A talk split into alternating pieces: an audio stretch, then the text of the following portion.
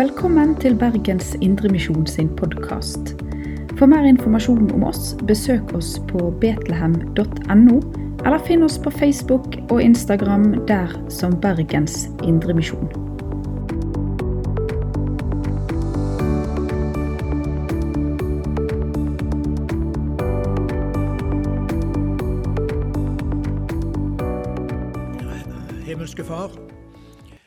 Vil takke deg for at vi òg i kveld kan få være samla i ditt navn, i ditt hus og om ditt ord. Takk for hver enkelt som kom til denne bibeltimen i kveld. Og takk for at vi i kveld, som alltid når vi samler om ditt ord, kan få tenke slik at det er ikke tilfeldig vi er samla, men det er du som har kalt oss sammen. Og du har kalt oss inn for ditt ansikt fordi du vil oss noe. Og Nå ber vi om at du gjør den, din, den gjerning med den enkelte av oss som du hadde tenkt når du kalte oss i sammen og innførte ditt ansikt. Vi ber om åpenbaringsånd, slik at ditt ord blir levende for våre hjerter, til gang for oss og til ære for ditt navn. Amen. Denne bibeltimen går jo altså da inn i denne serien som er om endetid og håp og forskjellige sider ved det. Eh, og sist, når jeg var her for 14 dager siden, da hadde jeg jo et tema som gikk på eh, Antikrist. Kjennetegn på Antikrist og hans rike. Og eh, alt det som jeg sa da, det er aktuelt med tanke på denne timen nå. Så dere som var der, minnes kanskje et og annet ord ifra da.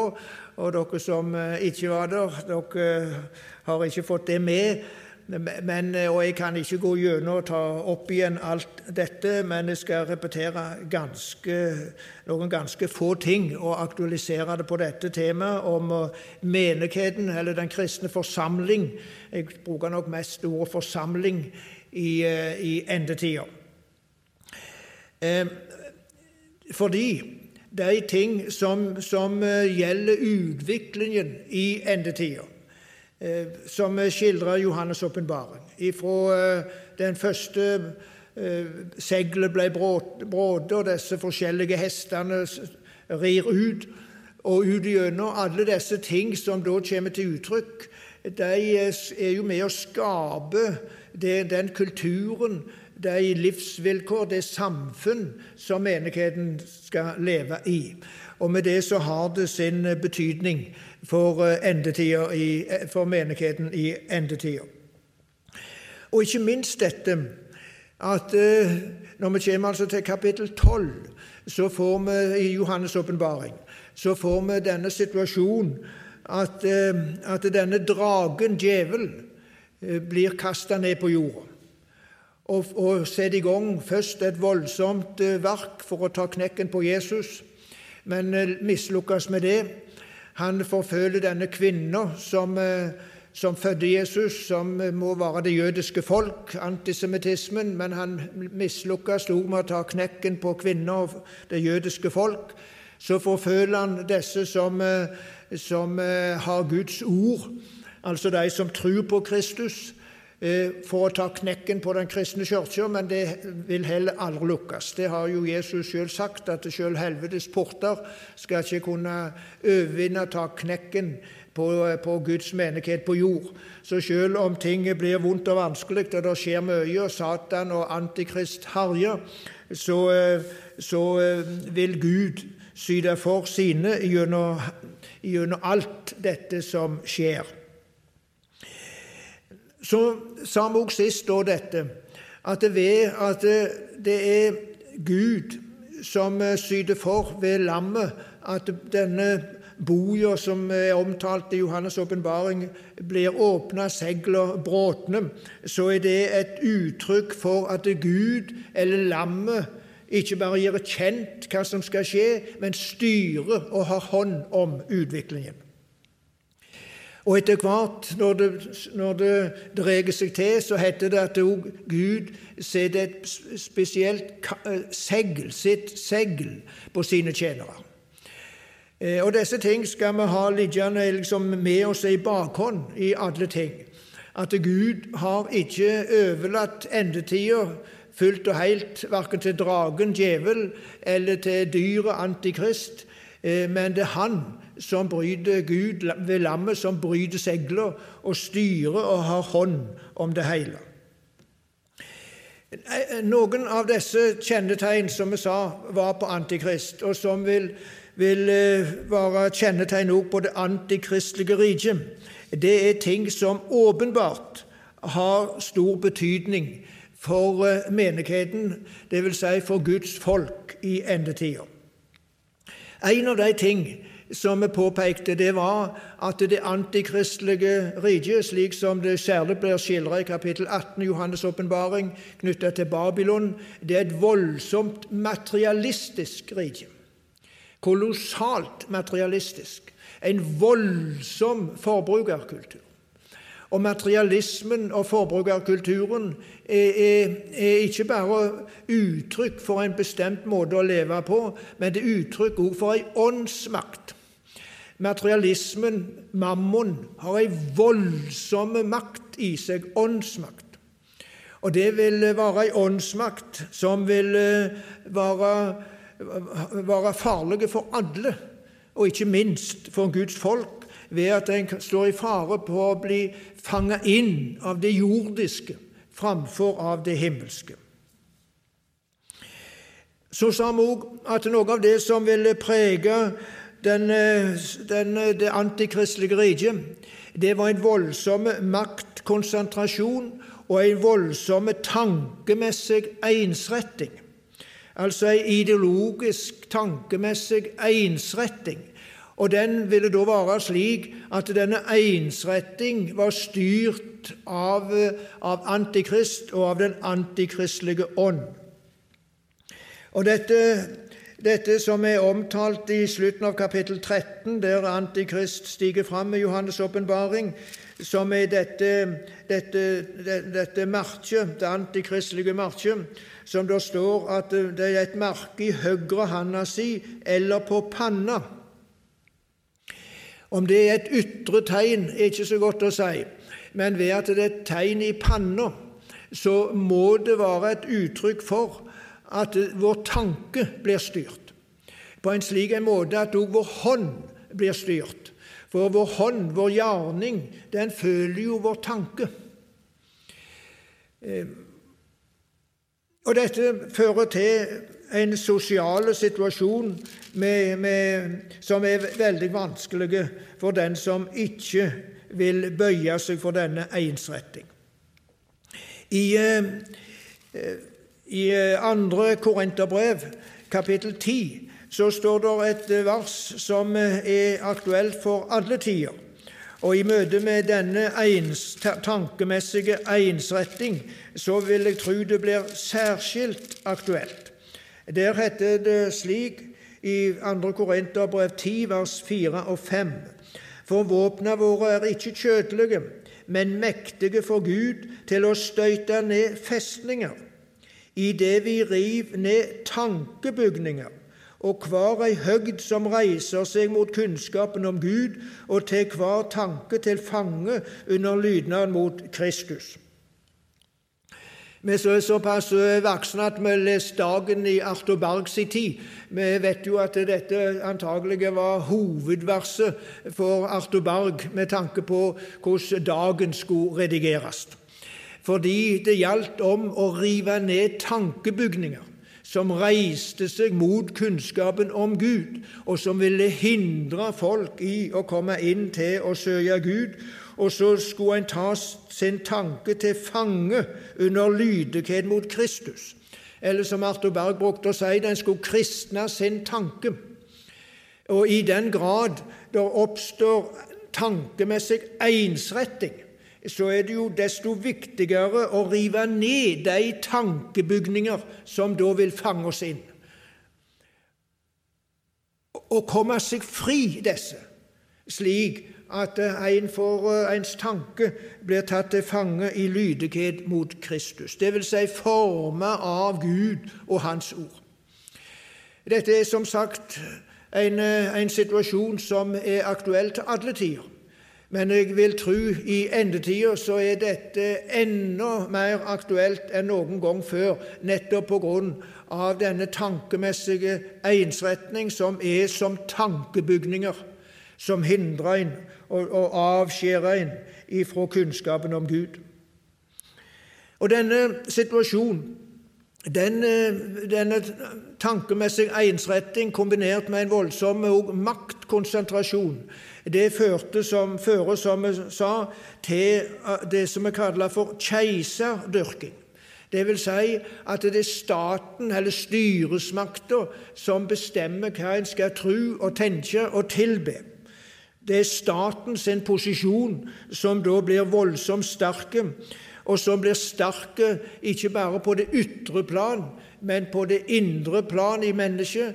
Og ved at tanken blir styrt, så blir vår tro styrt. Og i dette, i møte med denne keiserdyrking, der en altså kreves til lydighet mot styresmakter i alt og ett som styresmakter måtte tenke, så er det en må holde fast på den jødiske, gamle jødiske bekjennelse at Herren er én. Gud er én, og Han er Herre. Det er bare Han. Det er ikke styresmakter som, eh, som avgjør ting. Og da må vi lære av eh, våre venner i Det gamle testamentet, Daniel og hans venner. Det er et par eh, uttrykk som blir brukt om Daniel og vennene hans, knytta til den, det møtet med keiserdyrking som de stilte seg overfor, der det blir gjort krav om, om, om å dyrke keiseren på bestemte måter, uten at jeg skal gå inn i detaljene rundt det. Så når, når disse vennene til, til, Daniel ble møtt med det kravet, så står det i kapittel 3 i Daniels bok fra vers 16 Sadrak, Mesak og Abednego tok til orde og sa til kongen Nebukadneser, vi trenger ikke å svare eit ord på dette. Vår Gud som vi tjener, han er mektig til å frelse oss. Av den brennende eldovnen og fra handa di, konge, vil han frelse. Men om han ikke gjør det, så skal du vite, konge, at vi ikke vil dyrke gudene dine eller tilbe det gudebildet du har sett opp. Og På det svaret ble altså Nebukadneser så sint at han skifta uttrykk i ansiktet. Og det var jo egentlig ganske frekt sagt òg Eh, å stå for kongen og si, når kongen eh, stiller de til ansvar Vi trenger ikke å svare ett ord på dette, sier de. Da, da, da står du rakrygga og sier at hør nå her, konge, det er ikke du som bestemmer hva vi skal tro. Det er ikke du som skal bestemme hva vi skal tenke. Det er ikke du som bestemmer vår gudstilbedelse og vår forståelse av Gud. Og så skal du høre det, du konge, at selv om vi ikke trenger å svare på det, så skal vi gi deg et svar med to punkt. Først, vi tror at Gud vil berge oss. Punkt to. Dersom han ikke gjør det på det ytre plan, så tror vi på Han uansett. Og lar det skje, det som må skje. Det er den rette holdning i møte med tvang og keiserdyrking og tankemessig ensretting. Daniel, om han står det litt annerledes i kapittel 6. Når Daniel òg blir utsatt for den samme, en tilsvarende situasjon. Og der de skulle jo bli tatt livet av de som ikke innretta seg slik så, eh, så det var sagt de skulle innrette seg. Og Så står det om Daniel i kapittel 6 vers 11. Så snart Daniel fikk vite at skrivet var sendt ut, gikk han inn i huset sitt, i salen sin, der han hadde åpne vinduer som vendte mot Jerusalem, og tre ganger om dagen bødde han kne i bønn og lovprisning for åsynet til sin Gud, nett som han hadde gjort før. Nett som han hadde gjort før. Det krav som han ble stilt overfor, det brydde han seg døyten om. Og han lukte ikke glasene i, i, huset sitt en gang for, at de, liksom, for å skjule litt at han ba, men han lot glasene stå oppe. En liten episode som Jan Tore Olsen fortalte fra Sarepta sitt arbeid. Han var på besøk nede i Marokko hos en vi kaller han Bokhandleren. Det er en, en, kristen mann som driver en vanlig bokhandel, og det driver han for å være misjonær. Han sier at det dummeste du kan gjøre hvis du vil tjene penger, det er å drive bokhandel i Marokko. Men vil du være misjonær, så er det det lureste du kan gjøre, for du får kontakt med så mye folk. Og så hadde de møte midt der i Marokko i, i, i en by. Og så tenkte Jan Tore at her er de sikkert litt forsiktige når, de, når vi skal nå ha møte. Nei, da de var samla, så åpna de alle glaser og sang så det ljomte, så alle utenfor kunne, kunne høre. For Han eh, sa det, han her bokhandleren. Politiet vet at jeg er en kristen, og de vet hvem jeg steller med. Naboene vet at jeg er en kristen, og de vet hva jeg stiller med. Så vil de ta meg, så kan de ta meg når som helst. Han stilte seg åpent fram, og Daniel gjorde nett som han hadde gjort før. Det skal vi òg. Men da må vi ha innøvd de rette vaner på forhånd, slik at vi gjør det som er rett, når vi gjør nett som vi gjorde før. Og Så må en altså regne med at det blir forfølging og martyrium slik som en refererte kort til i, i Åpenbaringen 12, om dragen sin gjerning. Og midt oppi dette, som virker nokså skremmende, så heter det jo i Skriften at vi ikke skal la oss skremme i den situasjonen som oppstår. I 2. Tessalonikerbrev står det jo slik i eh, kapittel 2 og vers 1 og 2. Vi ber dere, brød, når det gjelder vår Herre Jesu Kristi komme og vår samling Johan, la dere ikke så snart drive fra vit og sans. La dere ikke skremme, kanskje ved noe ånd eller ved noe ord eller ved noe brev som sies komme fra oss, og som går ut på at Herrens dag er her alt. Hvorfor skal de ikke la seg skremme? Nei, for Gud har alt i si hånd. Som han hadde Daniel og vennene hans i sin hånd, så har han oss i sin hånd. Om han vil handle med oss på samme vis som han gjorde med Daniel og vennene hans, det vet jeg ikke. Men da får vi si med vennene om han ikke vil berge oss ifra ellogen, ifra martyriet, ifra forfølgelse, så tror vi på han og overleder oss til han like fullt. I første Tessalonikerbrev står det også står det òg noe om, om, disse ting. Og Der er det påpekt at vi, vi som hører dagen til, vi må skal vaie og vinne frelse. Og leser de eh, ti første versene i kapittel fem uten å kommentere noe særskilt. Første test fem, 1-10. Men om tider og tidspunkt trenger det ikke at noen skriver til deg, brødre. Det veit oss sjølve godt at Herrens dag kjem som en tjuv om natta. Når de sier fred og ingen fare, da kjem en brå undergang over deg. Han kjem som føderier over ei kvinne som skal føde, og de skal slett ikke slippe unna. Men det, brød, er ikke mørket, så dagen skulle komme over deg som en tjuv. Det er alle barn av Josef og av dagen. Vi hører ikke natta eller mørket til. Lat oss derfor ikke sove som de andre, men la oss vake og være edrue. De som søv, de søv om natta, og de som drikker seg drukne, de drikker, seg, de drikker om natta. Men vi som hører dagen til, la oss være edrue. La oss stå kledde med trua og kjærleiken som brynje, og med vona om frelse som hjelm. For Gud etla oss ikke til vreide, men til å vinne frelse ved vår Herre Jesus Kristus. Han som døde for oss, så vi anten vi vaker eller søv, skal leve sammen med Han. Altså uansett hvordan tidene måtte bli, vag, var edru, og ha det håp klart for deg. Du skal vinne frelse. Gjennom alt så skal du vinne frelse. Av de ting som vil skje i endetida, og som vil ha spesiell adresse til, til å være forsamling eller menighet i endetida, det er det at det stiger fram falske Messiaser og falske profeter, altså åndelige forførere. Dette gjør jo Jesus veldig tydelig i sin avskjedstale i eh, Matteusevangeliet kapittel 24.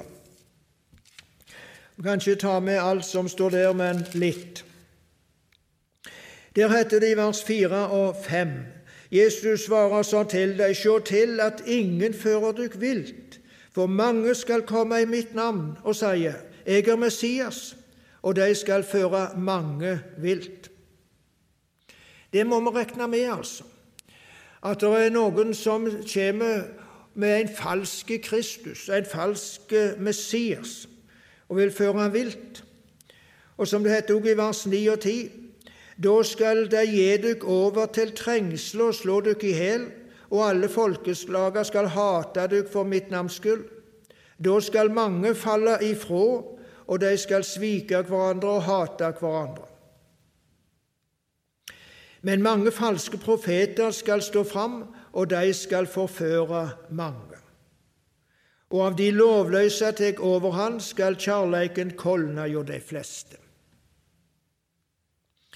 Det synes å være en, en sammenheng imellom dette at det stiger fram falske Messiaser og falske profeter, og det at det blir trengsel og forfølgelse fordi en vil ha oss til å tilbe de, og høre på og tilbe de falske Messiaser og profeter. Og den fremste av dem vil jo bli Antikrist, som krever den fullstendige underkastelse og tilbedelse, og mange vil falle for han fordi han gjør store tegn under. Og han ber altså Kristusnavnet med anti, antikristus. Og dette blir slik at det er forførelse, og kjærleiken vil kolne hjå de fleste.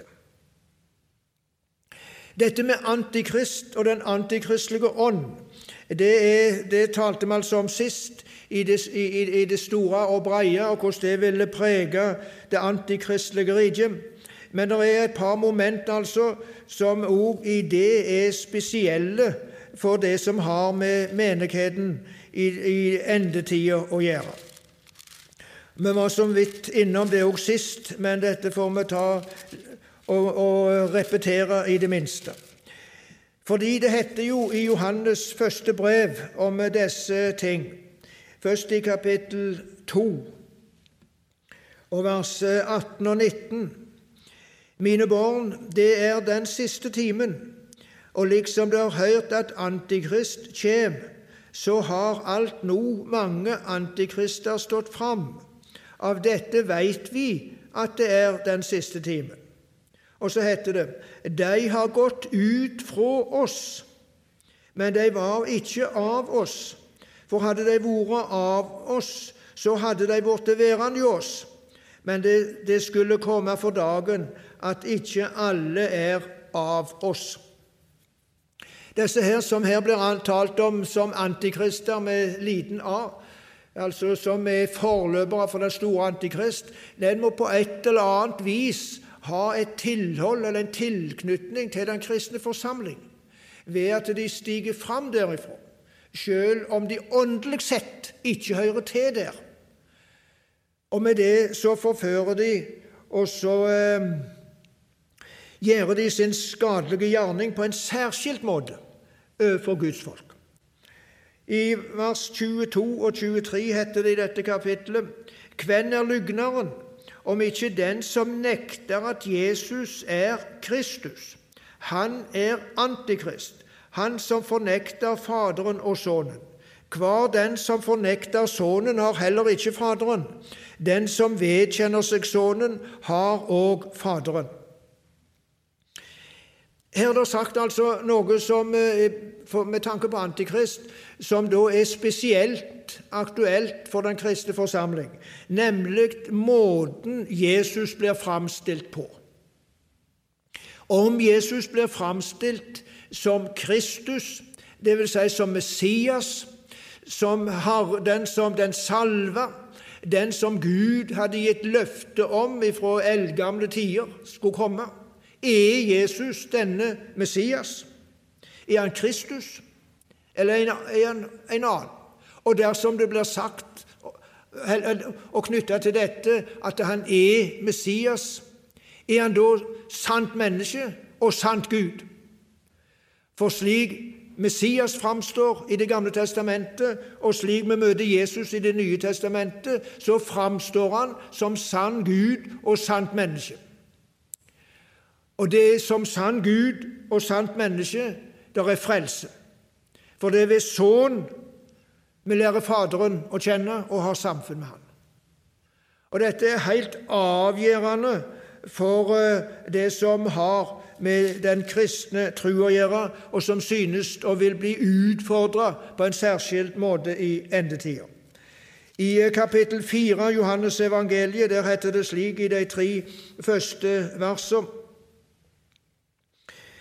Mine kjære, tru ikke hver ei ånd, men prøv ånden om det er av Gud. For mange falske profeter har gått ut i verden. På dette skal vi kjenne Guds ande. Hver ånd som sanner at Jesus er Kristus kommet i kjøtt, er av Gud. Og hver ånd som ikke kjennes ved Jesus, er ikke av Gud. Dette er ånda til Antikrist, som blir hørt skal komme, og hun er alt nå i verden. Legg merke til språkbruken. Det er ikke bare talt om Antikrist, men det er talt om den ånd som hører Antikrist til. Og den ånd som hører Antikrist til, den har altså det ved seg at den nekter for at Jesus er sann Gud og sant menneske. Den forkludrer eller fornekter hvem Jesus er. Og med det så ødelegger denne ånd sjølve Frelseren, og med det frelsen. Og Derfor er det starta det, det som er lest, tru ikke hver ei ånd, men prøv åndene, om de er av Gud. Det er jo i Skrifta talt om ei bestemt nådegave til å prøve åndene. Og Det å prøve åndene har sikkert flere sider ved seg. Men det helt grunnleggende og fundamentale i det å prøve åndene er å prøve forkynnelsen. Og denne forkynnelsen skal prøves på hva som blir lært og forkynt om Jesus. Og Det gjelder hans person, og det gjelder hans gjerning. Det er det helt avgjørende i det som har med nådegaver til å prøve ånder å gjøre, og det som har med i det hele å prøve ånder. Hva blir det lært om Jesus som person og som frelser, hans gjerning og hans vilje? Tro ikke i hver ånd. Det er ei ånd som er antikrist. Og denne prøving av åndene det har jo aldri vært noen populær øvelse. Eh, og det er samtidig noe som er aktuelt til alle tider, men som altså til nærmere Jesu gjenkomst vi kommer, til mer den antikristelige ånd får slå inn, til viktigere blir det, og til mer avgjørende blir det. Og Dette det er aktuelt i, i generelt, men ikke minst med tanke på misjon. Njål Skrunes er det her, og han og meg var på en konferanse i Manila for, uh, i 1989, Lausanne-konferanse. Og Det er to-tre ting som sitter igjen fra den konferansen som uh, har sittet i meg hele tida etterpå. Og Den ene av disse ting som der ble løfta fram fra taler etter taler, det var dette at det som det kommer til å stå om i misjonsteologien framover, det er hva læres der om Jesus? Jesus, the uniqueness of Christ, det, som ikke kan oversettes med direkte til norsk. Jeg tror det må oversettes omtrent slik Jesus, den ene, den ene og den eneste. Han er den ene, og han er den eneste som heter frelse. Der vil slaget, sa de, stå i misjonsteologien framover. Og det tror jeg har vært rett. Hvordan blir en frelst? Hvem er Jesus som en blir frelst ved? Er det flere veier til frelse, eller er det bare én? Opptrer Jesus bare i den kristne tru, eller opptrer han i de ulike religionene? Er det en åndelig lengs, lengsel nok, eller må det en person, historisk person, Jesus Kristus, til? Kan han formes slik at han passer inn i ulike religioner, eller er han enestående slik som han stiger fram i vår bibel?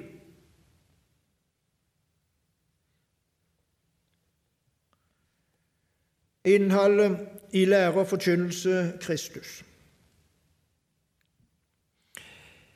Så er det én ting til som òg henger i hop med dette som vi hadde framme sist.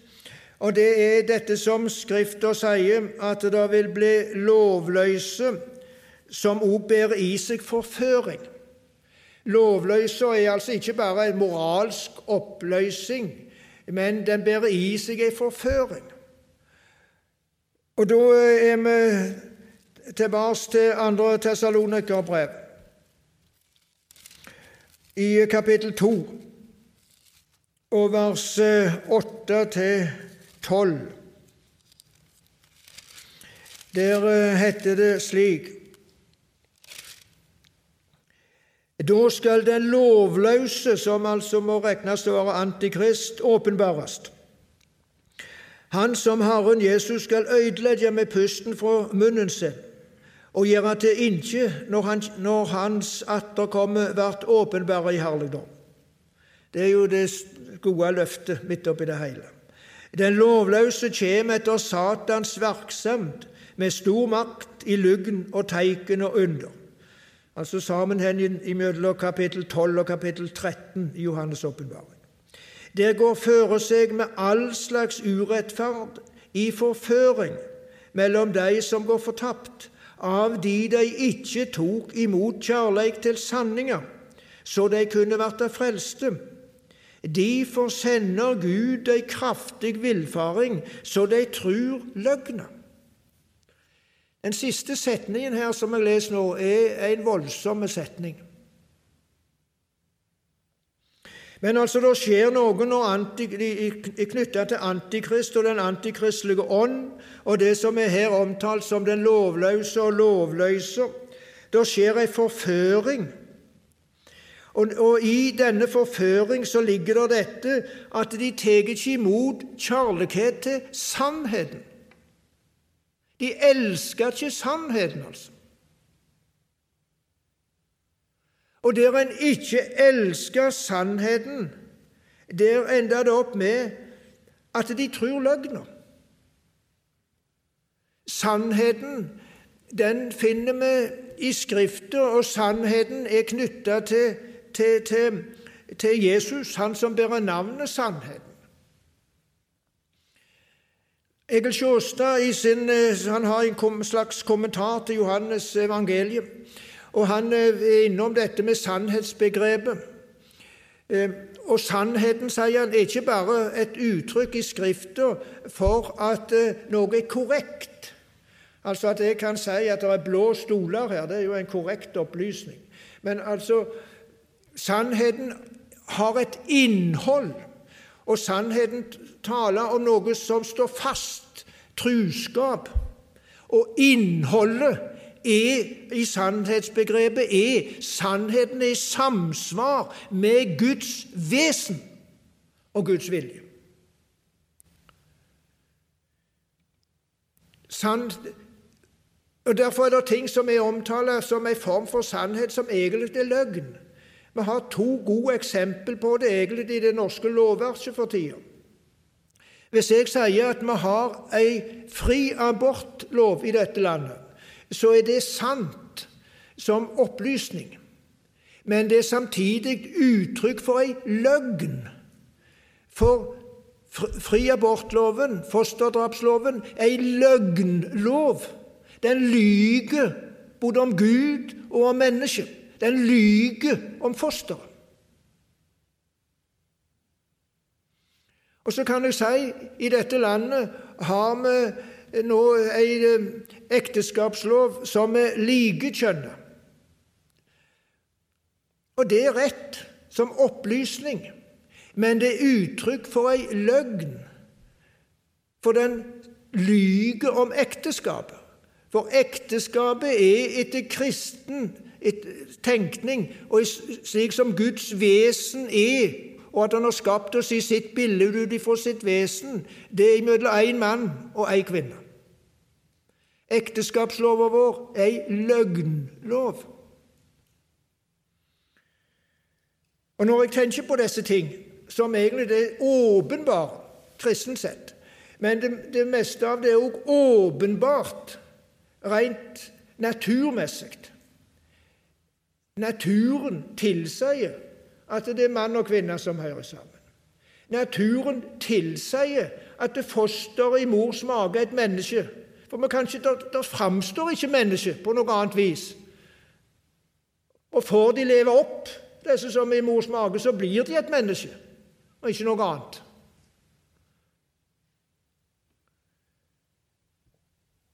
Og det at folk likevel tenker som de tenker om disse tingene, må være Jeg kan ikke finne annen forklaring enn dette. De, siden de ikke tok imot kjærlighet til sannheten, de sende Gud ei kraftig villfaring, så de tror løgnet. Det er av Gud. Det er Guds reaksjon på at en eh, ikke har kjærlighet til sannheten. Det er en voldsom sak. Og det, fører, det, står her at det fører ødeleggelse med seg, og det fører urettferd i forføring med seg. Og Dette må menigheten i endetida forholde seg til og stå opp i forhold til. I lys av dette så er det ikke så løye at det står noen ting i Skrifta om at det vil bli både spott og tunge tider, vanskelige tider, i endetida. I andre Peters brev, kapittel 3, og vers 3 og 4, så leser vi Først og fremst skal det vite dette, at i de siste dager skal det komme spottere med spott. De fer fram etter sine egne lyster og sier hvem, hva det blitt til med lovnavn om hans atterkomme. For, fra den tid da fedrene sovna inn, er, er, og blir alt slik det har vært fra verden ble skapt. Altså, Det skjer jo ikke noe når det har blitt talt om Jesu gjenkomst og talt forskjellige ting i kristendommens navn, men det er jo som det har vært. Og så bryr en seg ikke. Og så blir det spott og egne lyster. Det, vil, det, ser vi allerede. Og det var jo noe av dette som, som eh, prega dragen og dyret, dette med spottenavn imot Gud. Guds bespottelse. Ikke respekt for Gud og det hellige. I eh, andre Timoteus brev så skriver Paulus slik til sin venn og medarbeider i kapittel 3, og det er fem vers der. Men dette skal du vite, at i de siste dager skal det komme tunge tider. I andre oversettelser som står her kommer vanskelige tider'. Så en kan lese det enten det skal komme tunge tider eller vanskelige tider. Altså tidene blir tunge fordi de er vanskelige, eh, og de eh, blir vanskelige fordi de er tunge.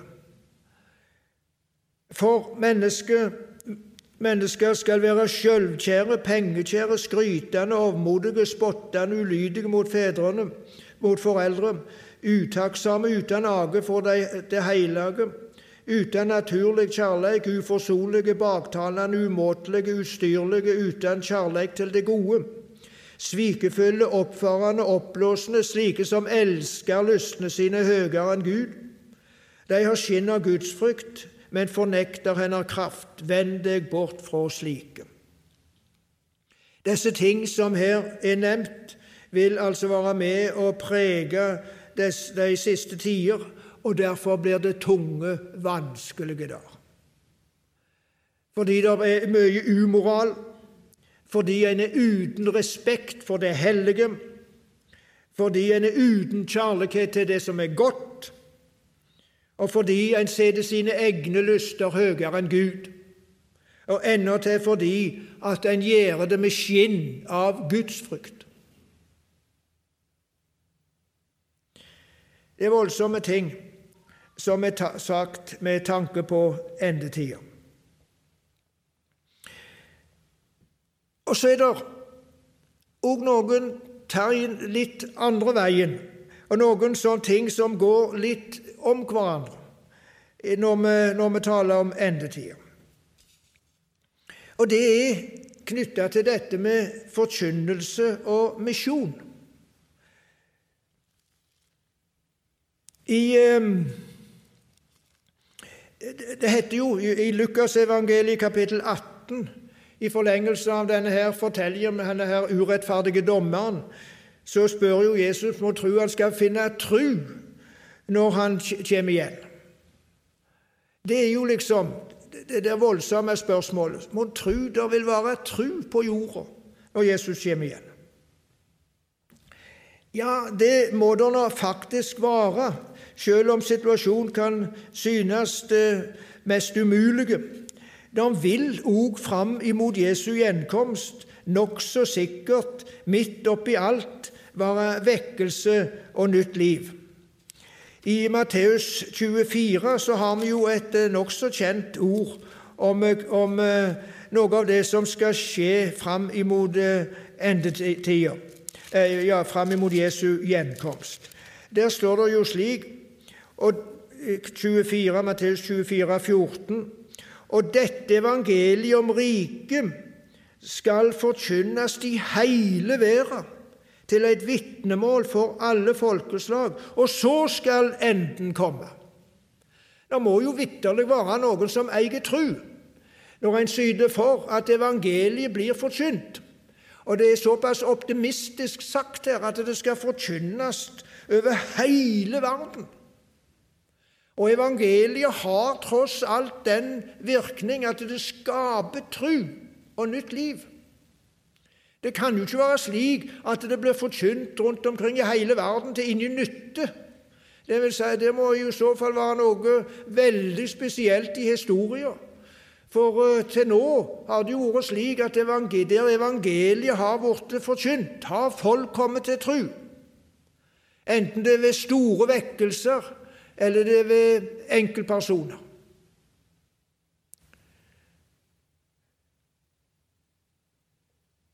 Det vil altså være en forkynnelse helt fram til Jesus kommer igjen, som er så omfattende misjon at det er til endene av jorda. Og Samtidig så taler jo dette kapittel 24 så Lukas tydelig òg om at det skal være trengsler. For da skal det være ei trengsle så stor som det til nå ikke har vært fra verda var til, og heller ikke skal verte mer. Og vart ikke de dagene avkorta, da vart ikke noe kjøtt frelst. Men for de utvalgte skyld skal de dagene varte avkorta, står det i vers 21 og 22. Det er ofte noe paradoksalt i det som har med den kristne tru å gjøre. Og Paulus sier jo en plass at eh, med tanke på sin egen virksomhet at her er det åpne dører, sier han, og, mange motstandere. Åpne dører og mange motstandere samtidig. Og Slik har det vært også gjennom kirkehistorien. Og slik vil det antagelig være også helt fram mot slutten. Og erfaringen så langt er jo at det er, er ofte vekkelse der det er forfølgelse. Nå leser jeg rett nok at en avgått nå professor på Fjellhaug, Arne Retze, uttalte at der det blir varig frukt og, og, og, og kjørk, levende kirker, det, det er der folk får en fysisk bibel. Der Bibel blir oversett, og de får Bibel, Guds ord. For, for, for, for dette som er omtalt som martyrene, som kirkens sæd, det er det noe i, men det er ikke hele sannheten, altså. Fordi, og det har vi lest nå, det er mange som faller ifra der det er forfølgelse. Det kommer vi ikke vekk ifra. Veldig mange. Men det er noen som står ved, og det skaper tru. Men skal det bygges kirker og bygges kristne forsamlinger som blir varige, så må de få Guds ord. Og få dem en fysisk bibel, som han sa. Og er det aktuelt for alle tider, så er det særskilt aktuelt for endetida. Så er det et punkt som jeg nå ikke går inn i i det hele, fordi det, det, det ligger både innenfor og utenfor temaet mitt. Og det er det som har med endetida å gjøre, og tusenårsriket. Og menigheten i tusenårsriket. Eh, men det er et så stort tema at det, jeg er ikke sikker på om det, det skal jo ha tusenårsriket oppe. Eh, så, eh, så en går, kommer vel kanskje inn på det der. Men det er, synes jeg, et optimistisk ord i profeten Zakaria som jeg bruker å sitere om akkurat dette. Nå kan en drøfte atter fram når dette skal, som her står, skal oppfylles og, og, og, og, ting. For meg synes det veldig nærliggende å tenke at dette er talt om noe om inn, i, inn i det som skjer i tusenårsriket. Og Der heter det i Zakaria 8 og i vers 20. Så sier Herren, allherrs Gud, ennå en gang skal det hende at hele folkeslag og innbyggere i mange byer skal komme hit. Og da vil Israel være samla, det jødiske folk være samla i Israel og komme hit til Israel, til Jerusalem. De som bor i den ene byen, skal gå til den andre og si:" Lat oss gå av stad for å be til Herren og for å søke Han. Herren allherrs Gud. Jeg vil gå, jeg òg, og mange folkeslag og mannsterke heidningefolk skal komme for å søke Herren allherrs Gud i Jerusalem og be til Herren. Så sier Herren allherrs Gud, i de dagene skal det hende at ti menn av alle tungemål jo heidningefolket skal gripe fatt i kappefliken til én jødisk mann og sier, Vi vil gå med dykk, for vi har hørt at Gud er med dykk. Da må det skje voldsomme ting når dette, når dette skjer. De stormer mot Jerusalem og prøver å ta fatt i disse snorene som henger på, på, på kappene til, til, til, de ortodokse jødene, som da synes å ha altså kommet til Messias-tru. Og så skjer det noe. Det er iallfall et, et, et perspektiv på endetida. Hvor det måtte være det skal skje. Sjøl tror jeg altså at det vil skje i tusenårsriket. Men det går jeg ikke mer inn på. Til sist så tar jeg òg i dag en avslutning som sier det skal skje Guds makt og Guds siger vil være det som blir det siste som viser seg òg i eh, endetida. Johannes' åpenbaring er oppbygd slik at blant de mange domssyn som vi har, så er det stadige trøstesyn. Og så er det et veldig kort slik trøstesyn i det siste verset i kapittel 11, altså åpenbaringen 11.19. Og det siste verset i kapittel 11 det står altså før det første verset i kapittel 12. Og i kapittel 12 så er det altså dragen, djevel, stiger fram. Men før djevel stiger fram, så får en et syn inn i himmelen. Og det er bare én setning, dette trøstesynet. Guds tempel i himmelen ble åpna, og paktkista hans ble sett i tempelet hans. Et blikk inn i himmel, og en får se én ting. Siger og skriver én ting. Guds paktkiste. Og for enhver jøde som kjente sitt Gamle testamente, så med en gang Gud er på truna ennå. Han har kontrollen. Han står ved sin pakt. Paktkista er i himmel. Hun har forsvunnet fra tempelet i Jerusalem, og en vet ikke hvor den fysiske paktkista er. Den forsvant en eller annen gang. Men i himmel, der er hun. Og Gud ser på sin paktkiste og handler ut ifra det. Og så skal vi jo få et glimt inn og bli minte på samme hva nå som skjer framover. Paktkista er i himmel. Og Gud handla i lys av det. Og da vil det skje dom over alt som står Gud og Guds folk imot. Da rir Kristus fram på den hvite hesten, åpenbaringen i 1911, og jeg så himmelen åpna, og sjå han en hvit hest, og han som satt på den, heter trufast og sannferdig, og han dømmer og strider med rettferd. Og han rir nå altså fram til seier. Og så rir han gjennom denne seieren fram til det der står i vers 20. Og dyret ble gripet sammen med det den falske profeten, han som hadde gjort teiken for øynene på dyret, og med disse teikene hadde hadde han forført de som tok mark og dyret og tilba dyret av det. Disse to ble kasta levende i eldsjøen som brenner med svovel.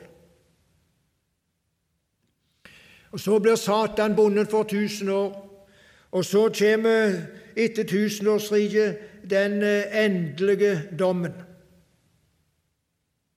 som jeg ikke skal ta tid til å referere. Du kan lese sjøl i kapittel 20, siste del av kapittel 20. Og denne dommen over alt som hører det antikristelige til og djevel til, det fører samtidig til utløsning for Guds folk. Og det er det store perspektivet med tanke på menigheten i endetida. Det er ei utløsning for Guds folk. Etter etter det er, er, er, talt om, eh, om, hvordan det antikristelige riket Babylon blir dømt i kapittel 19, så heter det i eh, kapittel, nei, kapittel 18 så heter det i kapittel 19 fra vers 6 og jeg hørte liksom lyden av en stor skare, liksom en lyd av mange vann, og som en lyd av sterke toredrønn, som sa halleluja. For Gud Herren, den allmektige, råder med kongemakt. La oss glede oss og fryde oss og gi Han ære, for nå skal lammet holde bryllup, og brura hans har budd seg. Der gjeve henne å kle seg i reint og skinende fint lin, for det fine lin er det rettferdige gjerninger når nåt er heilage. Og han sier til meg, skriv, sele er de som er bedne til bryllupsmåltid og lammet. Han sier til meg, 'Dette er Guds sanne ord'. Alt i Skrifta er Guds sanne ord. Men noen ganger er det presisert når det er særs viktig. Dette er Guds sanne ord. Og noen ganger får altså Johannes beskjed, i tillegg til at han har fått generell beskjed om å skrive. Skriv! Fordi det er så viktig. Lammets bryllup og så synes det å gå ei tid. Det er et tusenårsrike som blir skildra av forskjellige ting. Og så stiger vi inn i kapittel 21. Og jeg så en ny himmel og en ny jord, for den første himmelen og den første jorda hadde kvorvet bort, og havet er ikke mer. Og jeg så den hellige byen, det nye Jerusalem, stige ned ifra himmelen fra Gud, gjort i stand lik ei brur som er prydd for brudgommen sin. Fra trona hørte jeg ei høg røst som sa, Sjå, Guds bostad hjå mennesker. Han skal bo hjå deg, og de skal være hans folk, og Gud sjøl skal være hjå deg og være deres Gud. Han skal tørke hver tåre fra øynene deres, og døden skal ikke være mer. Og ikke sorg, og ikke skrik, og ikke pinsle skal være mer. For de første ting har kvorvet bort. Og han som satt på truna, sa, Sjå, jeg gjør alle ting nye. Og han sier til meg, Skriv, for disse orda er truverdige og sanne. Du har lytta til Bergens Indremisjon sin podkast. For mer informasjon om oss, besøk oss på betlehem.no, eller finn oss på Facebook og Instagram der som Bergens Indremisjon.